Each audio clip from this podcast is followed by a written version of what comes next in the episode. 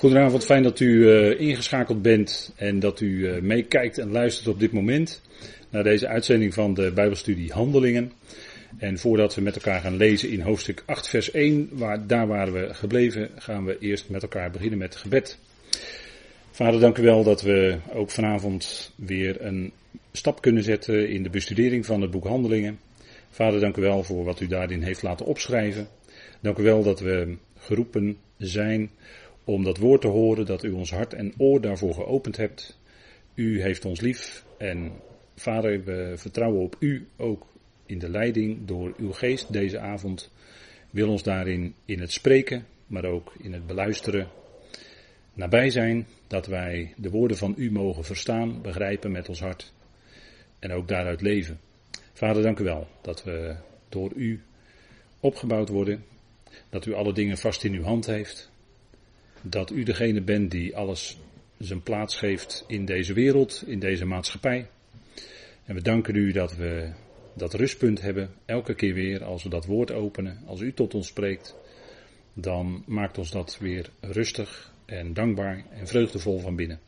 We danken u, Vader, voor wat u geeft en wilt u het zo leiden dat het mag zijn tot lof en eer en verheerlijking van uw naam. We danken u daarvoor in de naam van uw geliefde Zoon, onze Heere Christus Jezus. Amen. Goed, we gaan uh, kijken naar het boek Handelingen.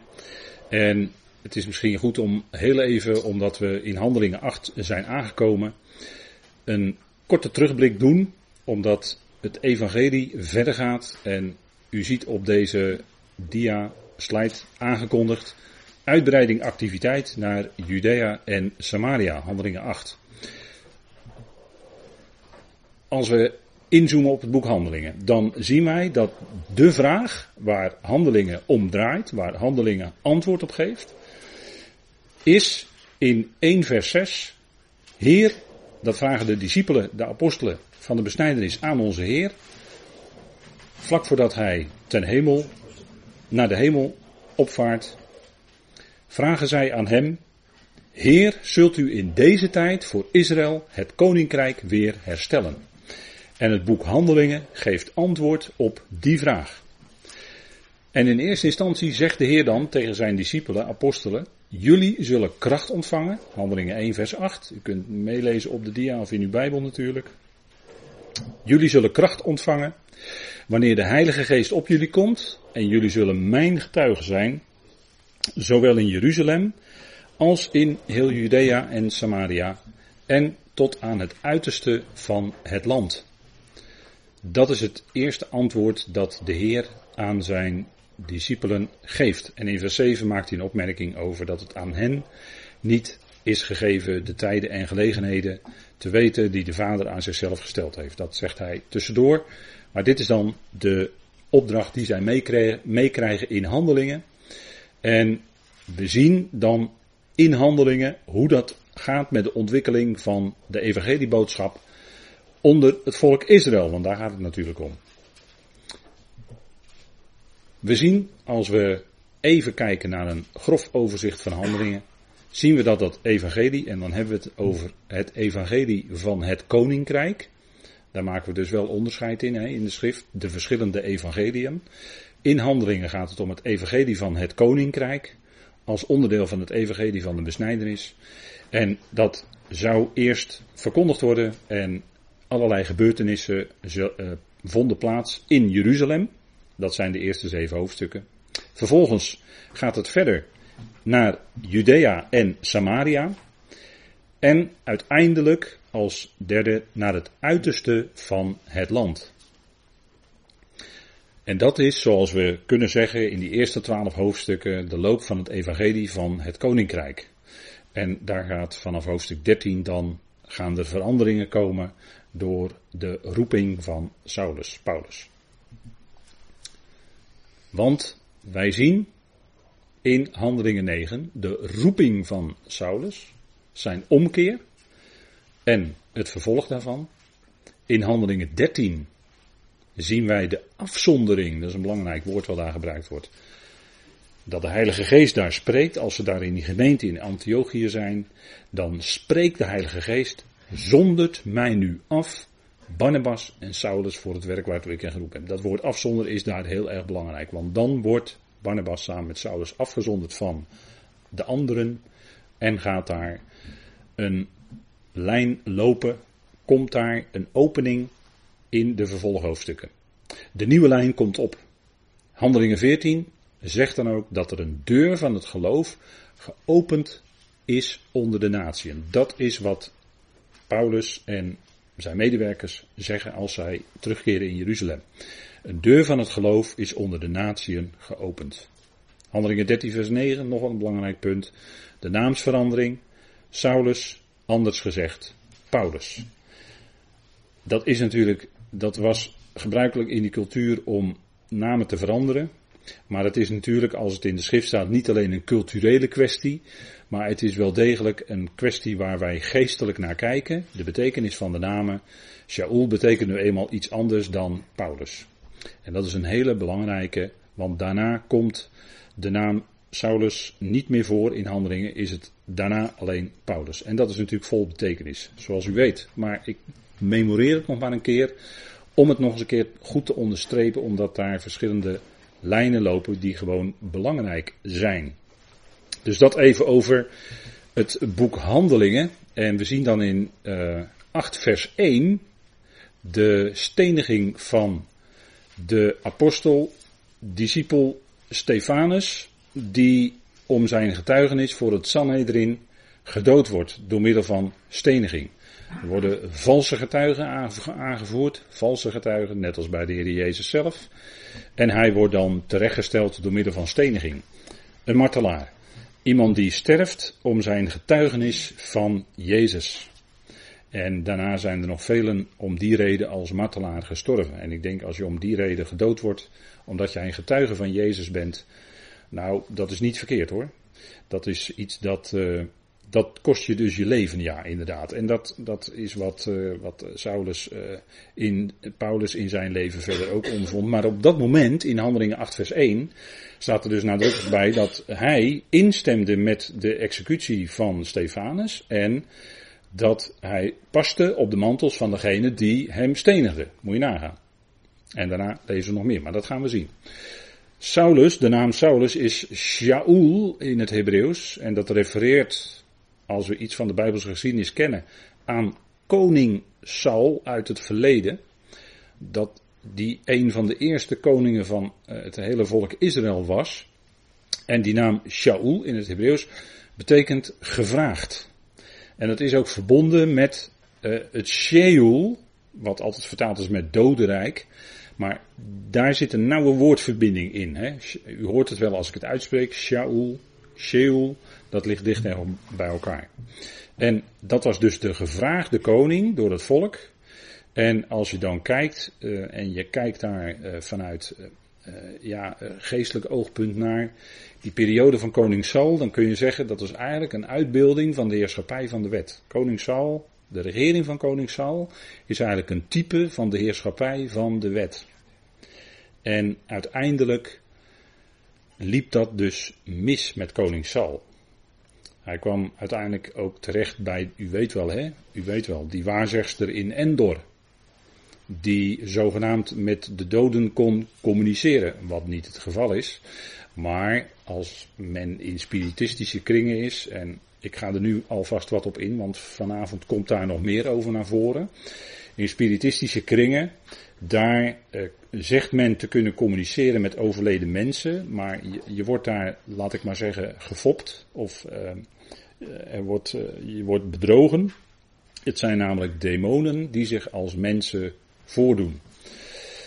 En dat kunnen wij heel makkelijk hè, uit de schrift laten zien, dat in de schrift de dood geen bewustzijn heeft, dat wil zeggen iemand die is overleden, en als iemand is overleden, dan is die persoon zich niets meer bewust tot het moment van de opstanding. Die weet van niets. En wij weten ook niets van die persoon, want zo'n persoon is begraven, is weg, die is er niet meer, daar kun je niet meer mee spreken, je mist elkaar natuurlijk, dat is verdrietig en je kijkt uit naar het moment van de opstanding. Maar in de tussentijd weten de doden van niets. Zowel Tenach als de Griekse schrift spreken daar op dezelfde manier over. Dus geen enkel verschil.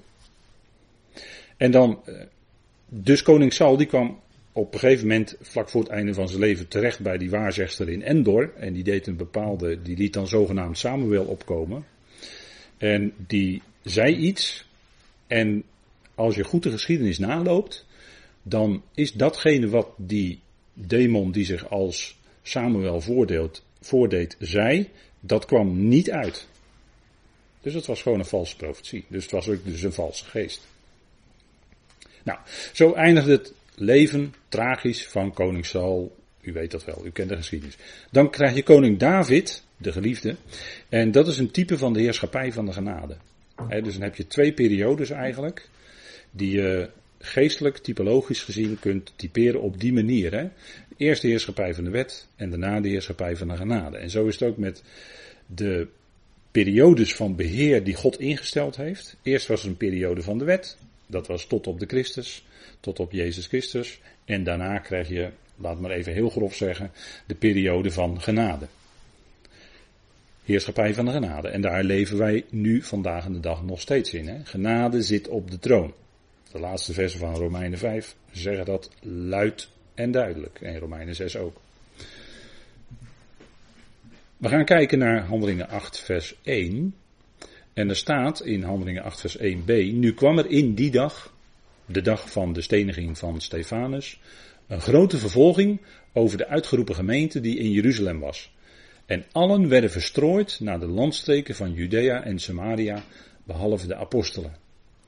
En die gemeente in Jeruzalem, want we gebruiken dan het woord uitgeroepen gemeente, en als mensen het woord gemeente horen, dan hebben ze daar vaak een bepaalde gedachte bij. Maar waar ging het om? Die Ecclesia, die uitgeroepenen in Jeruzalem, dat is de gemeente van het koninkrijk. Dat is een Joods-Israëlische gemeente die op weg was naar dat aardse koninkrijk wat naar de profeten zou komen. Dat is wat wij ook hebben gelezen en overwogen met elkaar in de voorgaande besprekingen van de boekhandelingen. Het is die lijn van het koninkrijk en die gemeente die daar begint in Handelingen 2 is dus niet het begin van het lichaam van Christus, maar is het begin van de koninkrijksgemeente. die lijnen moet je goed uit elkaar houden. En als dat. Uh, en dat wordt maar al te snel, hè, ook als dat onderwezen is, dan merk je gewoon dat het maar al te snel weer losgelaten wordt. Want overal klinkt iets anders. Maar als je de schrift vasthoudt, als je de lijnen van de schrift vasthoudt, dan kun je eigenlijk niet hieraan ontkomen. Dit is de Koninkrijksgemeente. En de boodschap is ook in de Pinksterdag: bekeer je, bekeer je en laat je dopen. En je zult de gave van de Heilige Geest ontvangen. En dat is niet wat Paulus onderwijst. Hè? Bekering en vergeving van zonde, dat is iets anders dan wat de apostel Paulus later zou onderwijzen als evangelie voor de gemeente. Dat is een punt, hè, een belangrijk punt.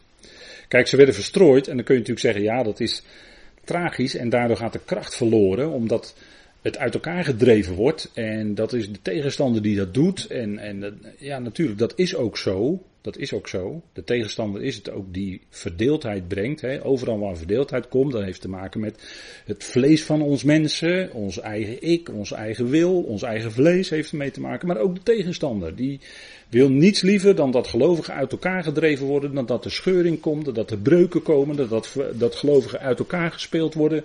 De tegenstander wil niets liever dan dat. En daarom hebben wij die geestelijke wapenrusting nodig om die brandende pijlen van de boze te kunnen pareren. En die gaan rond, die brandende pijlen. Dat weet u als gelovige. En daar hebben we die wapenrusting zo hard voor nodig. De gemeente toen werd verstrooid. Want als Jezus Christus gepredikt wordt, als degene die gekruisigd is, overwinnaar is, vergeven van dan is de tegenstander daar natuurlijk niet blij mee. Die gaat reageren. En dat zien we ook in Handelingen 8 gebeuren. De gemeente werd verstrooid, en we letten even op dat woord verstrooid, naar de regio Judea en Samaria. En God werkt daar toch zijn plan mee uit. Dan handelingen 8, vers 3 en 4 zien we, de gemeente werd vervolgd door Saulus. Zo komt Saulus op het toneel, om het zo maar te zeggen, in handelingen. Hij gaat als een woesteling tekeer. Hij vervolgt degenen die van Jezus zijn. Hij vervolgt de gemeente. En later wordt hij geroepen. En daardoor werd de gemeente verder verstrooid in grotere gebieden. En dan zien we het gevolg van die verstrooiing. Filippus spreekt in Samaria. Filippus wordt erop uitgestuurd. En hij spreekt in Samaria. En later komt ook Petrus bij de proseliet Cornelius terecht hè, in eh, Caesarea. En zo zien we dat door die verstrooiing ook dat woord verder gaat. Want dat is ook een gevolg daarvan. Dan verstrooiing en gevolg punt 2. Want het woord verstrooid, daar letten we even op. Dat wordt in de tekst in handelingen gebruikt. Zij werden verstrooid, de gelovigen werden verstrooid. En Stefanus wordt genoemd en, ze gaan, en dan gaat het verslag in handelingen verder dat ze doortrekken naar Phoenicië, dat ligt dan wat noordelijker, Cyprus, Antiochië, in Syrië. En dan staat er ook bij dat ze alleen spraken tot de Joden. Want dat was ook de opdracht die ze hadden. Zij moesten die boodschap van het koninkrijk brengen aan Israël en ook aan Israëlieten in de verstrooiing. Verder ging het niet. En Petrus gaat naar Cornelius. Dat was weliswaar een hoofdman, eh, iemand uit de natieën, maar het was een proseliet. Het was een proseliet van de poort. Hij was al, dat wil zeggen, hij was iemand die God vereerde. Hij kende de God van Israël en hij vereerde die God, dus hij was al genaderd tot die God van Israël. En we zien dan ook het gevolg verder. Saulus komt naar Antiochië in Syrië en dan gaat het verder. En uh, de plaats Antiochië speelt in handelingen een belangrijke rol omdat dat allereerst de uitvalsbasis is van waaruit gewerkt wordt in, laten we maar zeggen, buiten Israël. En dan uh, even voor alle duidelijkheid, er zijn twee plaatsen die in die tijd Antiochieën werden genoemd. En dat zijn dan plaatsen die werden vernoemd naar Antiochus, een van de, hè, een, een van de beruchte heersers was, hebben we ook in de studies van Daniel gezien, Antiochus Epiphanes IV, die uh, het beeld van Zeus in de tempel liet zetten, die daar varkens liet slachten en verschrikkelijk. Dat was natuurlijk een aanstoot tot en met voor de Joden. Hij liet daar het beeld van Zeus en er was een enorme verdrukking over het Joodse volk door die wereldheerser. En men zegt dan dat dat uh, de tegen, of de, de, de, de wetteloze of de koning van het noorden is geweest. Want hij kwam uit het noorden, die had allemaal oorlogen tussen de Ptolemeën en de Seleuciden. En hij kwam uit het noorden en men zegt dan in een uitleg dat hij dan de koning van het noorden is, waarover gesproken wordt in Daniel 11. Met andere woorden, die profetie is al geschiedenis. Hè. Zo wil men dat naar, naar het verleden, wil men de profetieën naar het verleden toe wegverklaren. Maar dat kun je niet doen, omdat die profetie gewoon niet vervuld is. De verdrukking in de dagen van Antiochus was niet drieënhalf jaar, zoals de schrift zegt, maar was drie jaar. Moet je wel nauwkeurig blijven. Hè? Daar heeft Flavius Josephus ook over geschreven. Die verdrukking was drie jaar, was dus niet drieënhalf jaar. Want 1260 dagen, zegt openbaring, zal die verdrukking zijn. Tijd, tijden en een halve tijd. Grote verdrukking. Is nog niet gebeurd, dus het is nog toekomst. Dat gaat nog vervuld worden in de nabije toekomst. Goed, maar die plaatsen in die tijd die waren dus vernoemd naar Antiochus. En dan hebben we twee plaatsen die zo heten. Toen Antiochië in Syrië. En dat uh, lag of ligt bij uh, het huidige, in de buurt van het huidige Aleppo. En dan had je ook Antiochië in Pisidië en dat lag in de toenmalige Romeinse provincie Azië, wat wij nu kennen als Aziatisch Turkije. En in Turkije, hè, Aziatisch Turkije, daar kijken we toch ook een klein beetje naar soms, want wij weten uit openbaring 2 en 3 dat er in dat Aziatisch Turkije weer zeven Joden christengemeentes zullen zijn. dat is uh, handelingen 2 en, of uh, openbaring 2 en 3. Dat is uh, geen over, ja, men zegt dat is een overzicht van de kerkgeschiedenis. Um, maar primair, primair, de betekenis daarvan is dat het gaat om zeven Joden christengemeentes die daar zullen zijn als het lichaam van Christus weggenomen is. Dus die boodschappen aan die gemeentes kun je dus niet toepassen nu op het lichaam van Christus. Kan niet. Want dat zijn twee verschillende lijnen. En als je inhoudelijk gaat kijken, dan kan het al helemaal niet. Die gemeentes zullen daar zijn, in Klein-Azië, op die verschillende plaatsen. Alles wat die boodschapper heeft gezegd, boodschapper heeft gezegd tegen die gemeentes, dat is dan in die tijd van grote verdrukking, in die tijd van benauwdheid van Jacob, zullen zij het ongelooflijk moeilijk hebben. En dan zullen die boodschappen ook zijn volle werkingskracht hebben. Dus dat is ook nog toekomst. Hè, want het hele boek Openbaring is in feite nog toekomstig. Openbaring 6 tot en met 19 spreekt over allerlei gerichten, maar die gaan in de nabije toekomst gebeuren. En dat moet ook natuurlijk, dat moet ook. Want de wetteloosheid zal heel sterk gaan doorzetten als wij als lichaam van Christus weg zijn van deze aarde. Dan zal de wetteloosheid ongelooflijk snel en heftig gaan toenemen. En we zien eigenlijk in onze dagen al stappen die gezet worden, contouren van datgene wat zich gaat manifesteren in die eindtijd van openbaring. En daardoor leven wij toch wel in een bijzondere tijd, lijkt mij. Goed, we gaan even verder en we gaan terug naar handelingen. Mannen met ontzag nu, want Stefanus was gestenigd. Mannen met ontzag, nu droegen Stefanus naar het graf en brachten een grote rouwklacht over hem. Stefanus, dat betekent lauwe krans of betekent krans. Stefanoi heeft te maken met een overwinningskrans. En in feite, het leek een nederlaag dat hij gestenigd was. Maar de Heer ging toch door met zijn werk. En dat woord, dat ging, over, eh, zou je kunnen zeggen, eigenlijk overwinnend door. Maar ze droegen hem naar het graf. En ze brachten grote rouwklacht over hem. Het was een man die vol van Heilige Geest was. Die veel had betekend in zijn dagen voor, voor de gelovigen toen. En daarom was de rouw ook groot. Het verdriet was groot. Er was gesteden, moet je nagaan dat dat gebeurde door de. Ja, ik kan het toch niet anders zeggen dan zo. Dat gebeurde door toedoen van de orthodoxie van die dagen. Het Sanhedrin. De schriftgeleerden, de overpriesters, de fariseeën, noem, maar op wat je, wat je erbij wil. Hè. De, het Sanhedrin. De, de, de geestelijke uh, autoriteit van Israël in die dagen.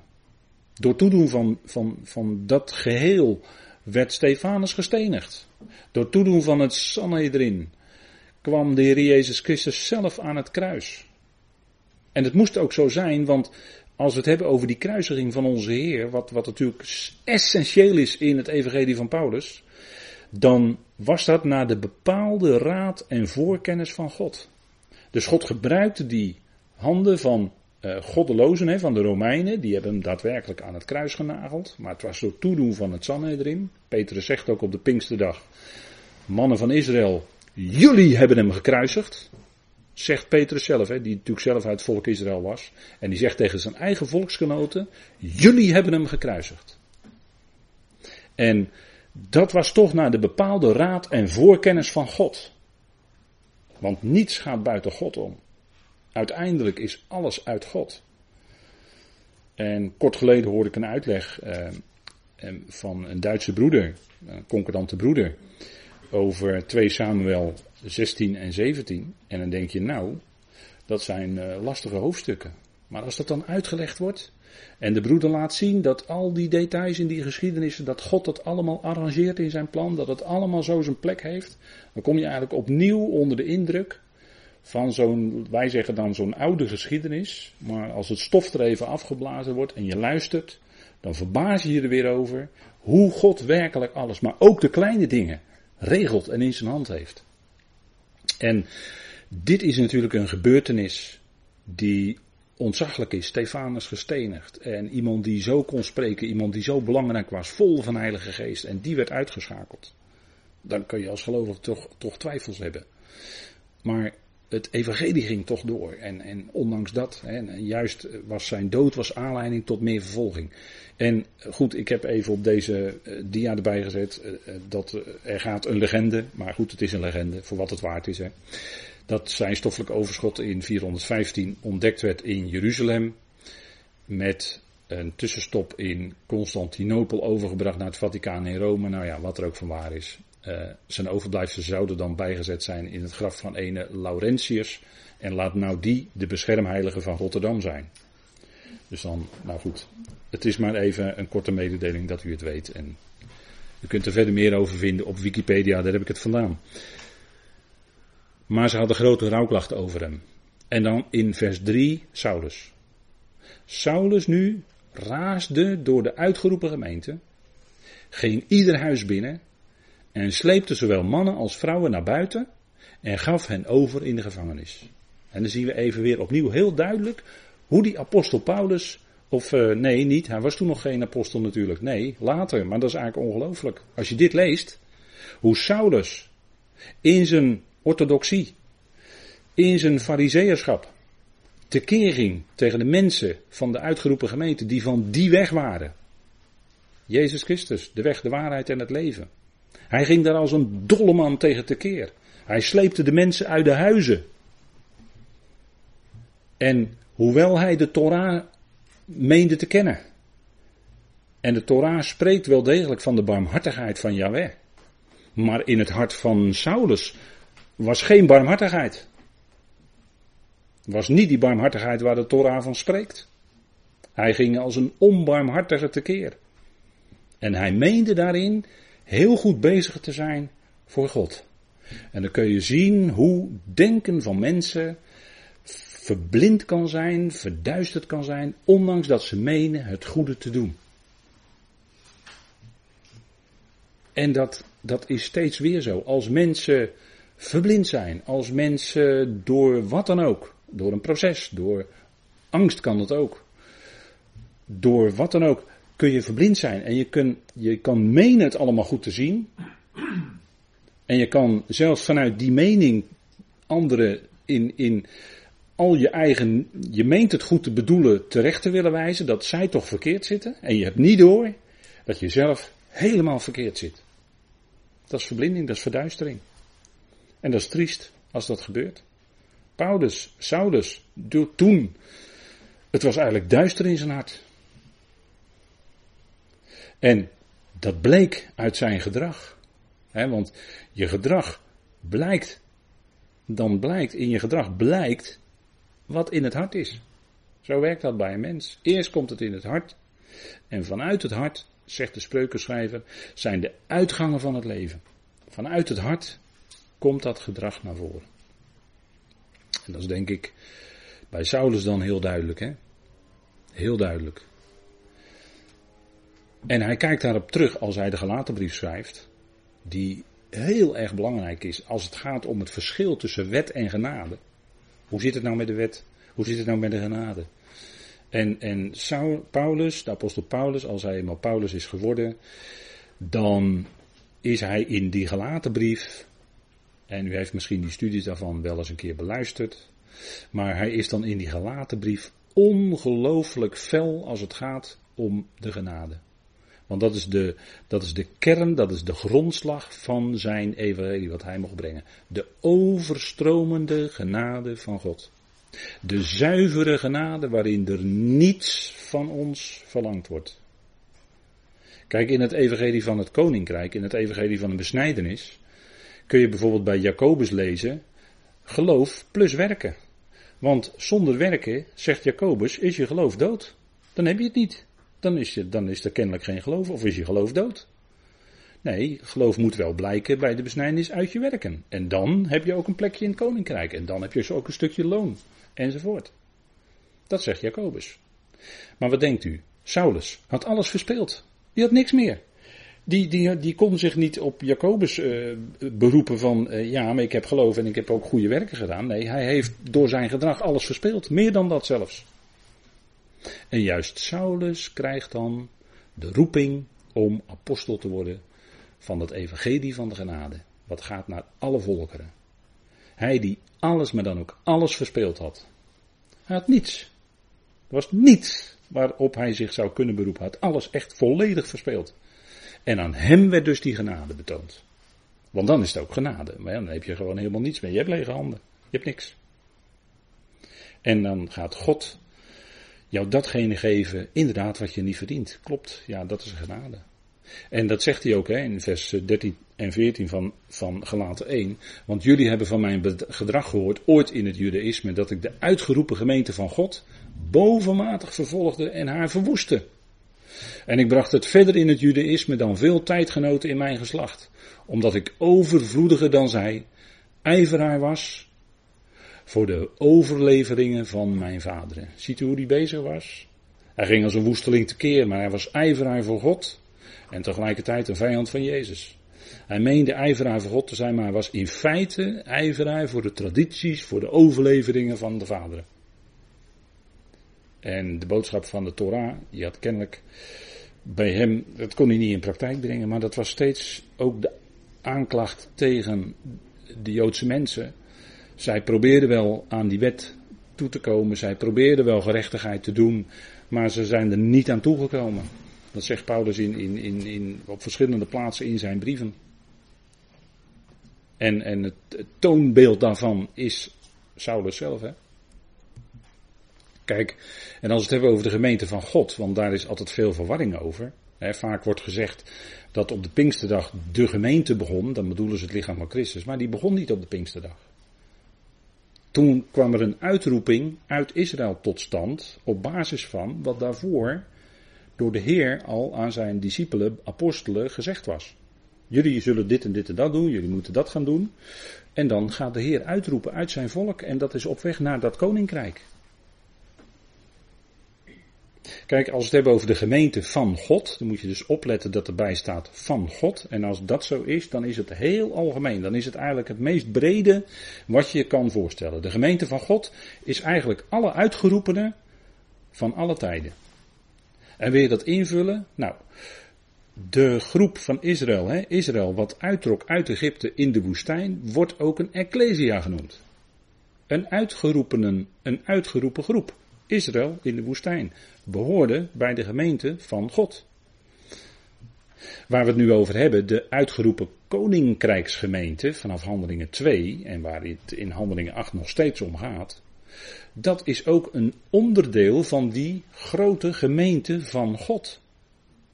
En de uitgeroepen gemeente, het liggen van Christus, waar u en ik bij horen, dat is ook een onderdeel van dat grote geheel, de uitgeroepen gemeente van God.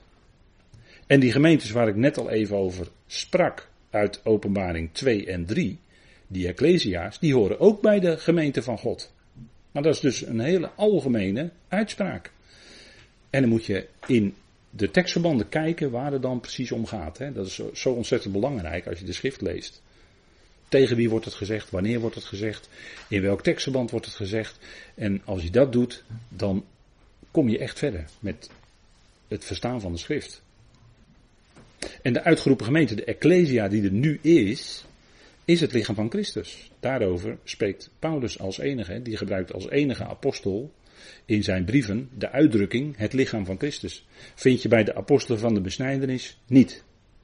Petrus spreekt over de uitgeroepenen als zij zullen zijn koningen en priesters. 1 Petrus 2 vers 9 en 10. Hij refereert aan Exodus 19. Dat is aan Israël voorbehouden, koning en priesters. Maar dat zijn u en ik niet. Wij zijn leden van het lichaam van Christus. En het verwarrende is altijd dat door, die, door, die, door dat begrip gemeente mensen denken dat het altijd al, maar hetzelfde is. Maar dat is dus niet zo. Er zijn verschillende roepingen. Ik denk dat het goed is om dat goed uit elkaar te blijven houden. Hè? Wat zien wij hier? Een vervolging. Naar aanleiding van de dood van Stefanus ging Saulus als een waanzinnige tekeer. Hij sleurde de mannen en de vrouwen uit hun huizen die van Jezus waren. En levens over in de gevangenis. Hij blies in feite dreiging en moord. En dan staat er in vers 4, zij dan die inderdaad uiteengedreven werden, gingen door het land en verkondigden als evangelie het woord. En dan kun je even zeggen, welk woord? Nou, het woord van het koninkrijk, het evangelie van het koninkrijk, daar gaat het hier over. En wat is nou het gevolg van die vervolging? Want vervolging, verdrukking, het uit elkaar gedreven worden. Wat heeft dat als gevolg? Nou, kijk, God gaat door met zijn plan. En het plan was dat zij ook getuigen zouden zijn in Samaria en ook in Judea en tot het uiterste van het land. En die vervolging zorgde ervoor dat met die gelovigen, die werden uiteengedreven, maar ging ook dat evangelie mee. Ging ook die goede boodschap mee. Het woord gaat door En dat was dus ook toen en ook in onze dagen is dat niet gebonden. En we zien er eigenlijk een hele mooie bevestiging van hoe God werkt in Psalm 76. En dat kunnen we even met elkaar opzoeken. Psalm 76, vers 11. Want de psalmen zijn natuurlijk fijne, fijn om te lezen. De liederen van Israël. Fijn om te lezen over hoe mensen, Asaf, David en anderen allerlei levenssituaties meemaakten. Moeilijk, minder moeilijk, verdrukking, geen verdrukking. Goed, slecht, tegenslag, voorspoed, noem maar alles maar op. Nou, de psalmisten maakten dat allemaal mee en ze schrijven dan hun emoties uit. En dat spreekt ons aan, omdat wij die emoties ook kennen. Jazeker. En dan heb je vaak toch wat aan, uh, en niet wat, maar soms heel veel aan wat die psalmen zeggen. En zo psalm 76 vers 11 zegt, want de woede van mensen zal u tot lof zijn. Wat aan woede overblijft, zult u beteugelen. En nu zegt de Griekse vertaling van de Hebreeuwse schrift, die geeft hier aan, wat aan woede overblijft, het zal u prijzen. Het zal u prijzen. En misschien is dat ook wel de lezing die oorspronkelijk in het Hebreeuws stond, want die Griekse vertaling gaat terug op een oudere Hebreeuwse tekst van 2 tot 300 voor Christus. Daar beschikten die rabbijnen over die dat hebben vertaald. Dus misschien is dat wel de juiste lezing, want dan klopt het ook in het parallelisme wat hier staat. Kijk, en dat is heel wonderlijk hè, dat God het zo doet. Hij heeft alles in zijn hand. Want de woede van mensen zal u tot lof zijn. Dat is eigenlijk heel wonderlijk hè, dat het zo uitwerkt. Wij zeggen ja, de woede en de toren van mensen dat is negatief. Zeker. Maar God werkt dat uit en dat zien we hier ook in handelingen gebeuren. Kijk, Saulus die ging als een woesteling tekeer tegen de gelovigen. Ze werden uit de, uiteengedreven, zeg je, nou verschrikkelijk wat er allemaal gebeurt. Heel erg. En toch was dat tot Gods lof, want het woord kwam verder en daardoor kwamen ook weer meer mensen tot geloof. En gingen ook God loven en prijzen. Dus dan zie je dat die, dat negatieve, die woede van de mensen, leidde toch tot dat er meer mensen hem de lof en de eer brengen. Wat aan woede overblijft, hè, dus het restant, er staat een woord wat te maken heeft met rest, overblijfsel, rest. Het zal u prijzen. Dat is eigenlijk dan een prachtig parallelisme. Hè? En daarin zien we hoe God dat uitwerkt. En dat is, dat is steeds zo. Eh, dat je, dat je ziet het, negatieve bij mensen werkt God soms heel wonderlijk uit tot iets wat je, ja, had je, had je niet kunnen bedenken. En een hele bekende, de, een van de bekendste dingen is natuurlijk de geschiedenis van de farao. De farao ging als een woesteling achter dat volk aan. En daardoor kon God enorm, enorm zijn naam verheerlijken aan die farao. Hij liet ze omkomen in de Rode Zee, die legers. En tot op vandaag de dag wordt dat in Israël herdacht wordt daar God om geloofd en gedankt dat hij dat toen gedaan heeft. Moet u, moet eens nagaan. Dus die woede van de farao werd door God gebruikt in zijn plan om tot zijn eertocht te zijn. Dat mensen hem de lof en de eer brengen. En pas dat nou eens toe op uw eigen leven.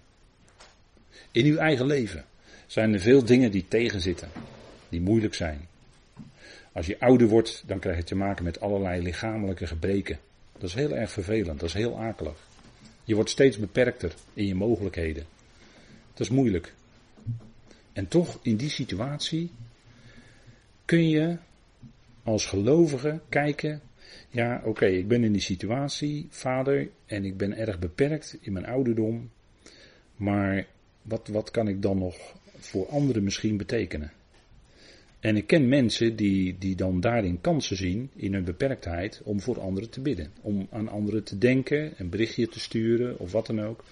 Er zijn ouderen die daar heel attent in zijn. In al hun beperktheid. En, en zo, kun je, zo kan ik zo een aantal voorbeelden noemen, hoe dat dan heel wonderlijk uitwerkt. Want als je ook als je oud bent, vol, vol activiteit kan zijn en alles, alles kan doen enzovoort. Dat is, dat is prachtig en dat, dat gun ik iedereen. Maar dan, heb je, dan, dan vergeet je misschien wel om in jouw activiteit en bezig zijn en noem alles maar op, om een stukje voorbeeld te doen om die anderen attent te gedenken en, en noem maar op. Hè. En, en uh, ja, kan je ook zo'n voorbeeld hebben van, van iemand die door, door, door, door, door iets wat die, diegene overkwam, die kwam daardoor in een, in, in een ander huis terecht, niet meer, in, niet meer in het eigen huis, maar in een zorginstelling, laat ik het zo maar noemen. En die dan in die zorginstelling allerlei mensen kon spreken. En waar het even kon van de Heer kon spreken. En dingen kon vertellen over die geweldige God. Die alles in zijn hand heeft en die met iedereen tot zijn doel komt. Dus die gelovige zag dat als een geweldige kans. Terwijl die gelovige door die situatie enorm beperkt was geworden. Maar die zag dat en die dankte God daarvoor. En die zag dat als een enorme kans om anderen te kunnen bereiken. En ik denk dat Psalm 76, vers 11 ook in die richting tendeert. Hè? En natuurlijk, als we Paulus brieven lezen, dan weten we toch ook uit Filippenzen 4, hè, wat vandaag de dagtekst ook was, die u kon lezen, dat de Heer nabij is. Dat de Heer nabij is.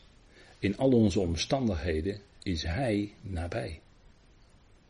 Juist als mensen tegen ons moeilijk doen. Juist als je merkt dat andere, zelfs broeders en zusters, gebruikt worden door het tegenwerken om vurige pijlen op jou af te schieten. Dat kan zelfs door broeders en zusters gaan. Ja, ja, zeker. En in die gegeven situatie mogen we ook beseffen wat in Filippenzen 4 staat. De Heer is nabij. En dat is waar Paulus vol vreugde dan over schrijft. Terwijl hij zelf in gevangenschap zit. Terwijl hij zelf beperkt is, enorm. Maar hij zegt, het woord van God is niet gebonden. dat zijn natuurlijk geweldige dingen die je, die je dan zo met elkaar kan delen uit dat woord, uit het rijke evangelie. En dat zien we ook hier in handelingen gebeuren. Want je denkt van ja, het is nederlaag op nederlaag en het gaat het, allemaal druk en tegenslag en tegenwerking. Ja, maar dat wordt, het gaat toch door. Het gaat toch door. God gaat door. En we zien dan in de bediening van Filippus, in de versen 5 tot en met 24, dat hij naar Samaria gaat. Hij krijgt de opdracht voor van de Heer en dan naar Judea. Nou, dat gaan we nog zien. Samaria, toch een bijzonder gebied, zo daar midden in Israël. En dat is altijd omstreden. Het is vandaag de dag natuurlijk ook omstreden. Ja, wat is er niet omstreden daar van Israël, vandaag de dag? Maar Samaria was natuurlijk het gebied waar de, waar de noordelijke tien stammen waren, wat weggevoerd was door de Assyriërs destijds, in de 8e eeuw voor Christus. En daar, die mensen waren dus weggevoerd en daar waren andere mensen die waren daar gaan wonen, die hadden zich vermengd met Israëlieten en die werden dan ook door de, laten we maar zeggen, de, de, de ja, hoe moet ik dat nou zeggen? Door de andere Israëlieten werden die toch een beetje als, als, als een mindere groep bekeken. Ze gingen maar liever niet en zeker die uit Judea en Jeruzalem, die gingen maar liever niet met de Samaritanen om. En toen kwam de Heer Jezus, en dan staat er zo in Johannes 4, vers 4, hij moest door Samaria gaan. En hij werd ook als scheldnaam betiteld dat hij een Samaritaan was, zeiden ze honend van hem. En hij vertelde daar ook een, een verhaal over. U weet wel, Lucas 10. Die Samaritaan, die kwam bij die man die langs de kant van de weg lag. Die Samaritaan, dat is de Heer zelf natuurlijk. Die Samaritaan, die betoonde zich de naaste. Of lag er toch nog even wat anders? Lag er toch nog even wat anders? Maar dat ging om de naaste. Hè? Het ging daar om de naaste. Wie is de naaste?